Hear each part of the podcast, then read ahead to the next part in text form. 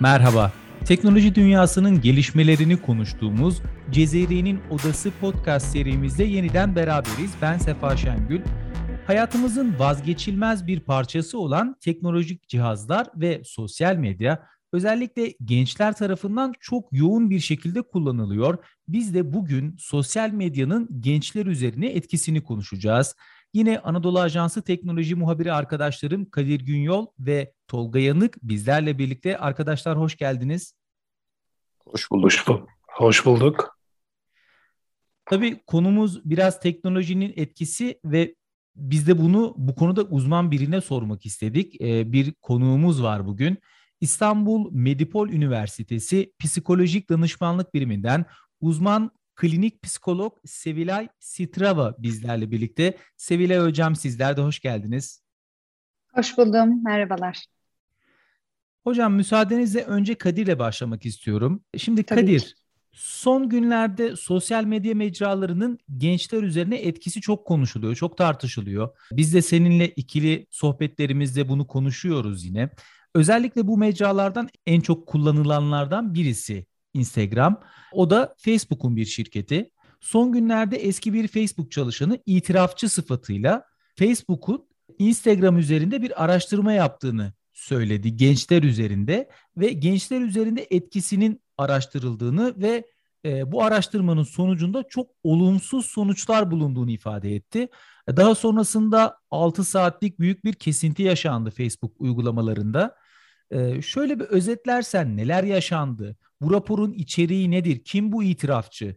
Bize bir baştan anlat istersen. Hem bizim hem de dinleyicilerimizin de bir hafızasını tazeleyelim olur mu? Evet Sefa aslında Instagram, Facebook gibi sosyal medya uygulamalarının gençler üzerinde etkileri ilk defa e, bugün ortaya çıkmadı. Daha öncesinde de yapılan birçok araştırma vardı. Dışarıdan yapılan araştırmalar vardı. Bu araştırmalarda da özellikle Instagram'ın gençler üzerinde bazı olumsuz etkilerinin olabileceği e, ortaya konmuştu. Ancak ilk defa bir araştırma, içeriden yapılan bir araştırma, Facebook şirketinin kendi yaptığı bir araştırma bu etkileri çok somut bir şekilde ortaya koydu. Ancak burada şöyle bir durum vardı. O da bu araştırma Facebook içerisinde yapılmıştı ve dışarıya e, açılmamıştı. Ancak Francis Hogan isimli bir eski Facebook çalışanı bu araştırmanın sonuçlarını Wall Street Journal gazetesiyle paylaştı ve bu e, paylaşımdan sonra da tabii bütün dünyada çok büyük bir olay oldu bu. Çünkü bu araştırmanın sonuçları e, beklenenden çok daha olumsuzdu. Dolayısıyla dünyada çok büyük bir yankı uyandırdı. Önce istersen birkaç e, araştırmada öne çıkan e, bulguyu ben sizlerle paylaşmak isterim. Onlardan bir tanesi de şu.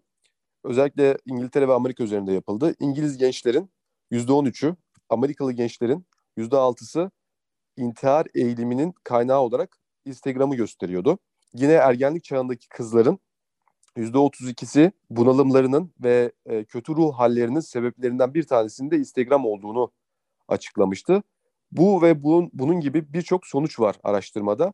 Bu sonuçlar gösteriyor ki Instagram özellikle genç yaşta olan ve özellikle de kızlar üzerinde bazı olumsuz etkiler ortaya çıkarıyor. Özellikle e, kızların bedenlerini beğenmeme ve ergenlik çağındaki insanların psikolojilerini daha kötüye götüren bazı etkenler ortaya çıkarıyor.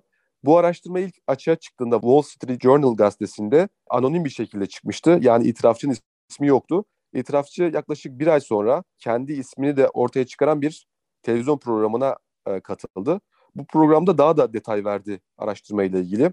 Öncelikle benim ilgimi çeken, ben programı dinledim. En önemli nokta şuydu. E, Facebook şunu fark etti diyor Hogan. Eğer içerikler nefret söylemini ve şiddeti barındırıyorsa şirket daha fazla etkileşim alıyor. Daha fazla etkileşim aldığı için de daha fazla reklam alıp gelirlerini artırabiliyor. Eğer algoritmaları siz bu şiddet ve nefret söylemini azaltan bir şekilde ayarladığınız zaman şirketin aldığı etkileşimler düşüyor ve şirketin dolayısıyla gelirleri de düşüyor. Dolayısıyla şirket aslında çok da bu algoritmaları güvenli kullanım için ayarlamıyor diyor. Özellikle 2020 seçimlerinde aslında şirketin algoritmalarını e, seçimlerin manipüle edilmemesi için, Amerika'daki seçimlerin manipüle edilmemesi için ayarladığını ancak seçimler bittiğinde tekrar bu algoritmaları kaldırdığını da söylüyor. Çünkü e, bu şekilde devam ederse şirketin gelirleri düşecekti.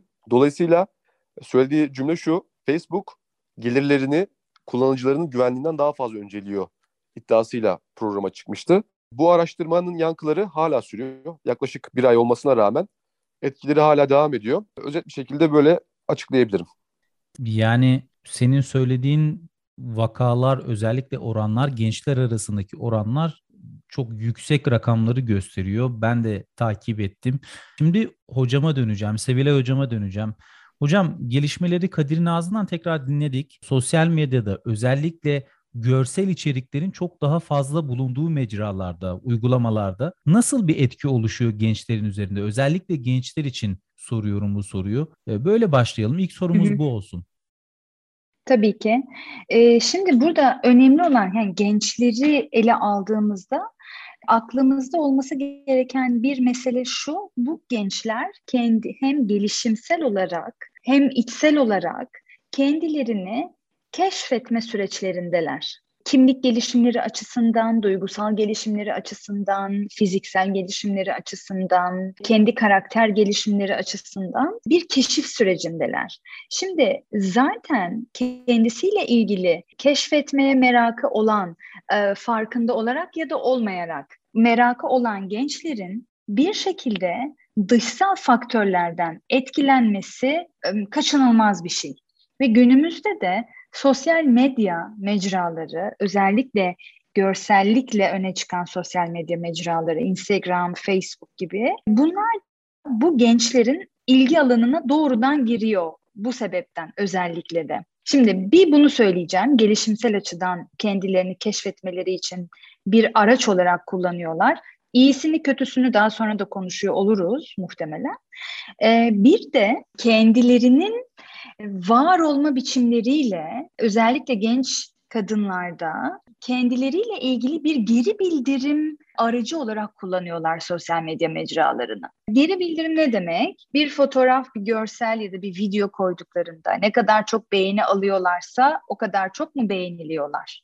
Ne kadar çok takipçileri varsa o kadar çok mu seviliyorlar acaba? Gibi sorularının cevaplarını almak için de bir geri bildirim aracı olarak kullanabiliyorlar. E şimdi hem keşif sürecinde olan hem de kendilerinin var olma kaygılarıyla halleşmeye çalışırken bu gençlerin yardımlarına çok güzel sosyal medya mecraları koşuyor oluyor. Hocam mükemmellik algısı mı var burada? Mükemmellik algısı var demem ben buna. Aksine şunu derim. E, şimdi kişiler kendilerini var edebilmek için hepimizin, yeryüzündeki her insanın yaşından, statüsünden bağımsız olarak bazı ihtiyaçları var. Sevmek, sevilmek, ilgi görmek, beğenilmek, ait hissetmek, özgür olmak gibi. Sosyal medya bunları kısa sürede verebiliyor kişiye. Bu ihtiyaçlarını karşılayabiliyor. Az önce dediğim gibi aslında.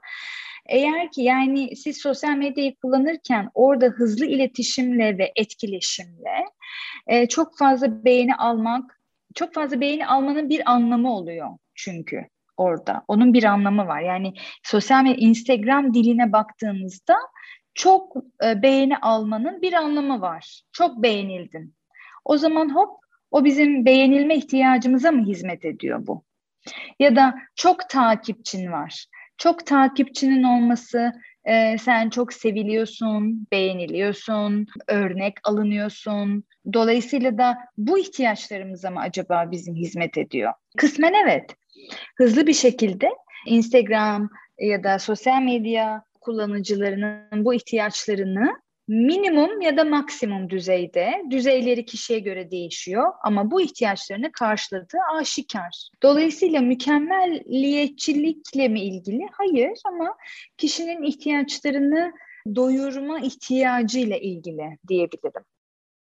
Hocam bu noktada ben bir soru sormak istiyorum. Söyledikleriniz tabii ki gerçeklikten beslenen şeyler. Fakat bir de olayın şöyle bir tarafı var. Beğenilmekten ziyade mesela beğenilme kısmını temin edemediği zaman e, bazı gençlerin işte sahte takipçi satın alma, e, sahte beğeni servisi satın alma tarzında çeşitli davranışlar da geliştirdiğini gösteriyoruz.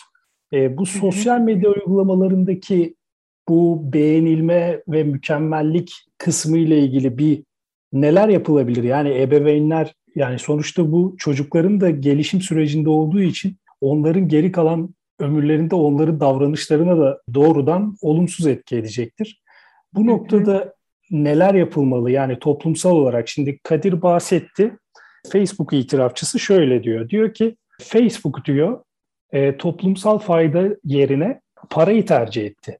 Yani parayı toplumsal faydanın önüne koydu. E, biz bu noktada şirketlerin e, böyle adımlar attığı bir düzlemde neler yapmalıyız toplumsal olarak? Şimdi bir dolu şeye temas ettiniz aslında. Ben onlara da kısa kısa temas etmek isterim çünkü hepsi önemli. Şimdi o fake kullanıcılar, e, beğeniler vesaireler çok önemli bir nokta bence. Neden? Şimdi bu ben dedim ya hani e, bu gelişimsel olarak kendilerini var etme çabalarındalar ve ne olduklarının kim olduklarının farkına varmaya çalışıyorlar bir keşif sürecindeler özellikle gençler için konuşuyorum. O süreçte kendilerini sosyal medyadaki fenomenler olabilir, takip ettikleri insanlar olabilir vesaire kıyasa giriyorlar ve bir var olan bir risiyle kendilerini bedensel olarak e, takipçi olarak ya da görsel olarak kıyaslamaya başlıyorlar. Şimdi kıyasladıklarında da mutsuz oluyorlar. Çünkü bir kişi eğer kendisini başka birisiyle kıyasladığı andan itibaren iki kişinin çünkü bu adil bir kıyaslama olmayacağından ve kişinin e, o özgüven eksikliği, zaten e, kendisiyle olan temasının olmayışı vesaire gibi sebeplerden zaten kaybolmuş durumda. O nedenle öteki gibi olmanın telaşına düşüyor. Ve sosyal medya mecraları bu ötekileri çok rahat bir şekilde e, kullanıcıya sunduğu için ve çok çeşitli bir şekilde yani bir dolu alandan bir dolu fenomenle ya da bir dolu insanla temasa geçebilir. Onlar hakkında fikir sahibi olabilir çünkü tüm kullanıcılar. Dolayısıyla da kendilerini kıyaslayacak bir dolu karakter bulabilirler iyi ya da kötü.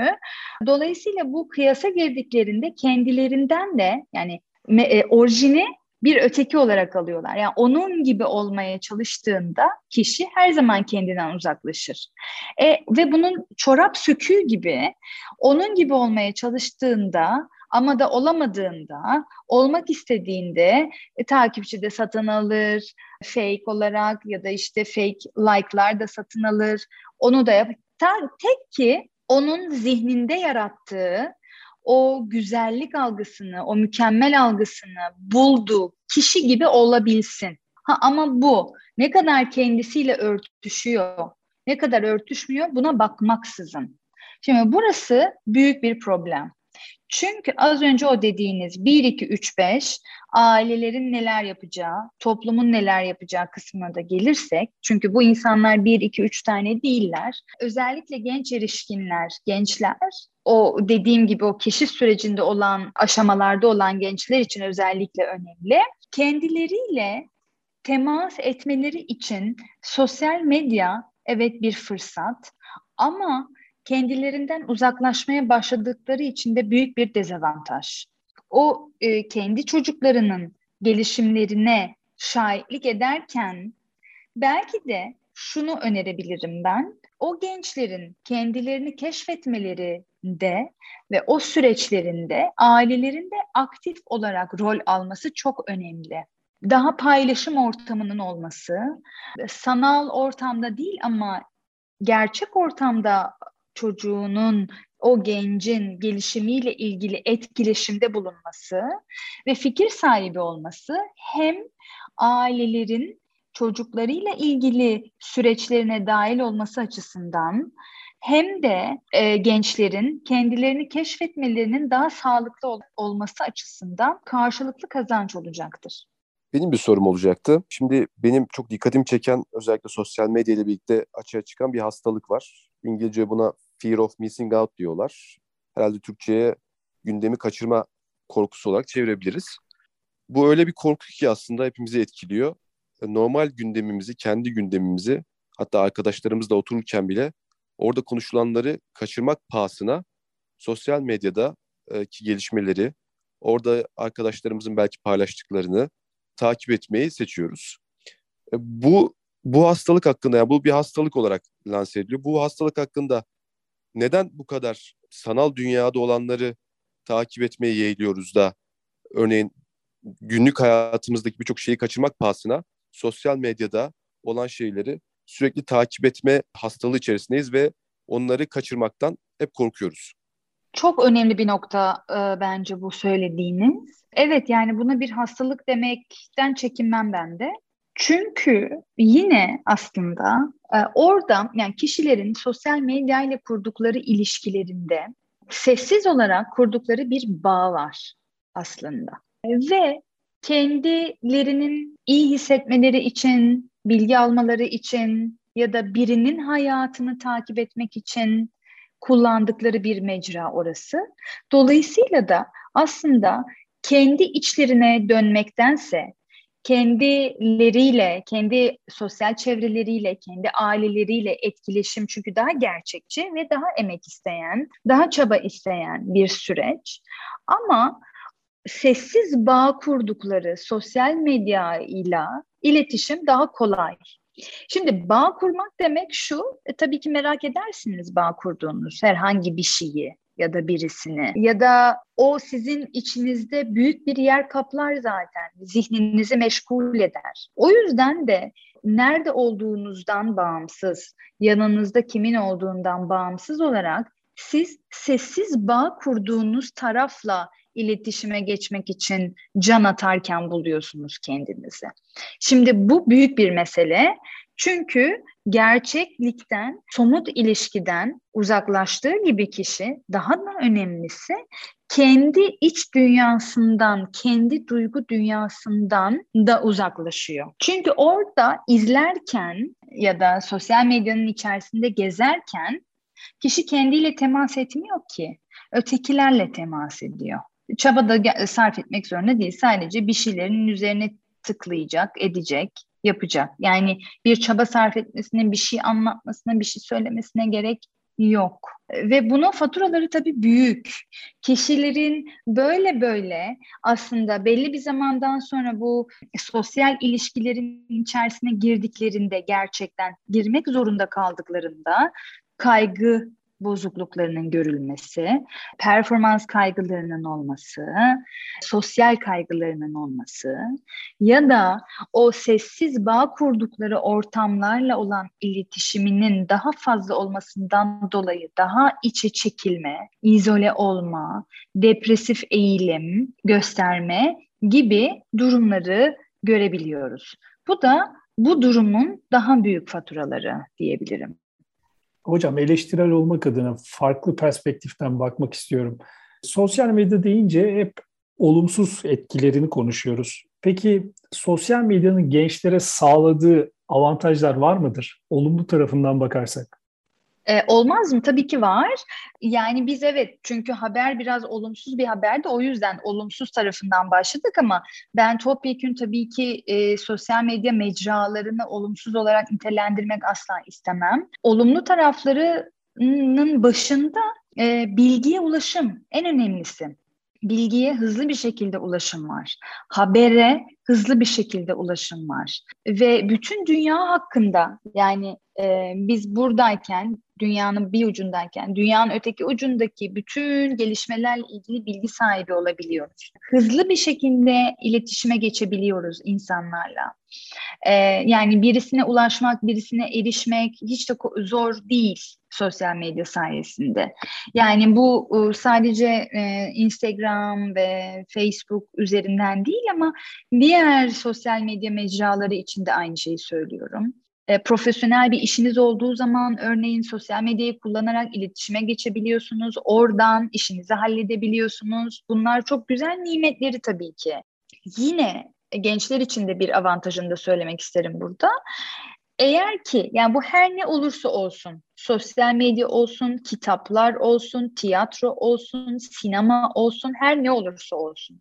Bir şeyi ne amaçla kullandığınızı bilmek önemli. Eğer ki sosyal medyayı da gençler, genç erişkinler, o kimliğini bulma, keşfetme sürecinde olanlar bunu bir kendileri için büyük bir kaynak haline de getirebilirler. Çünkü orada ne, nasıl ki birçok bilgiye ulaşabilirler, bir çok karaktere ulaşabilirler, bir dolu etkileşimin içerisine girebilirler. E, bu kaynakların içerisinden hangileri eğer ki objektif durabilirlerse kendilerinin neyi sevdiklerini, neyi sevmediklerini, e, ne gibi algılarının olduğunu, beklentilerinin olduğunu, ihtiyaçlarının olduğunu da keşfetmelerine çok büyük yardımcı da olabilir aynı zamanda. Ama fark şu, şunun altını çizmek isterim. Hangi amaçla neyi istediklerini biliyor olmaları gerekiyor ki kişilerin o kaynakları kaynak şeklinde kullansınlar. Kendilerine köstek olmasınlar. Hocam şimdi ben sizin odanıza geldim. 13 yaşında bir kızım var. Dedim ki size hocam bu kız elinden telefonu hiç düşürmüyor. Bizimle hiç iletişim kurmuyor. Biz ona ne dersek tam tersini yapıyor. Doğal ergen hareketleri ama bütün zamanını sosyal medyada geçiriyor. Geçen günde geldi bana estetik yaptırmak istediğini söyledi.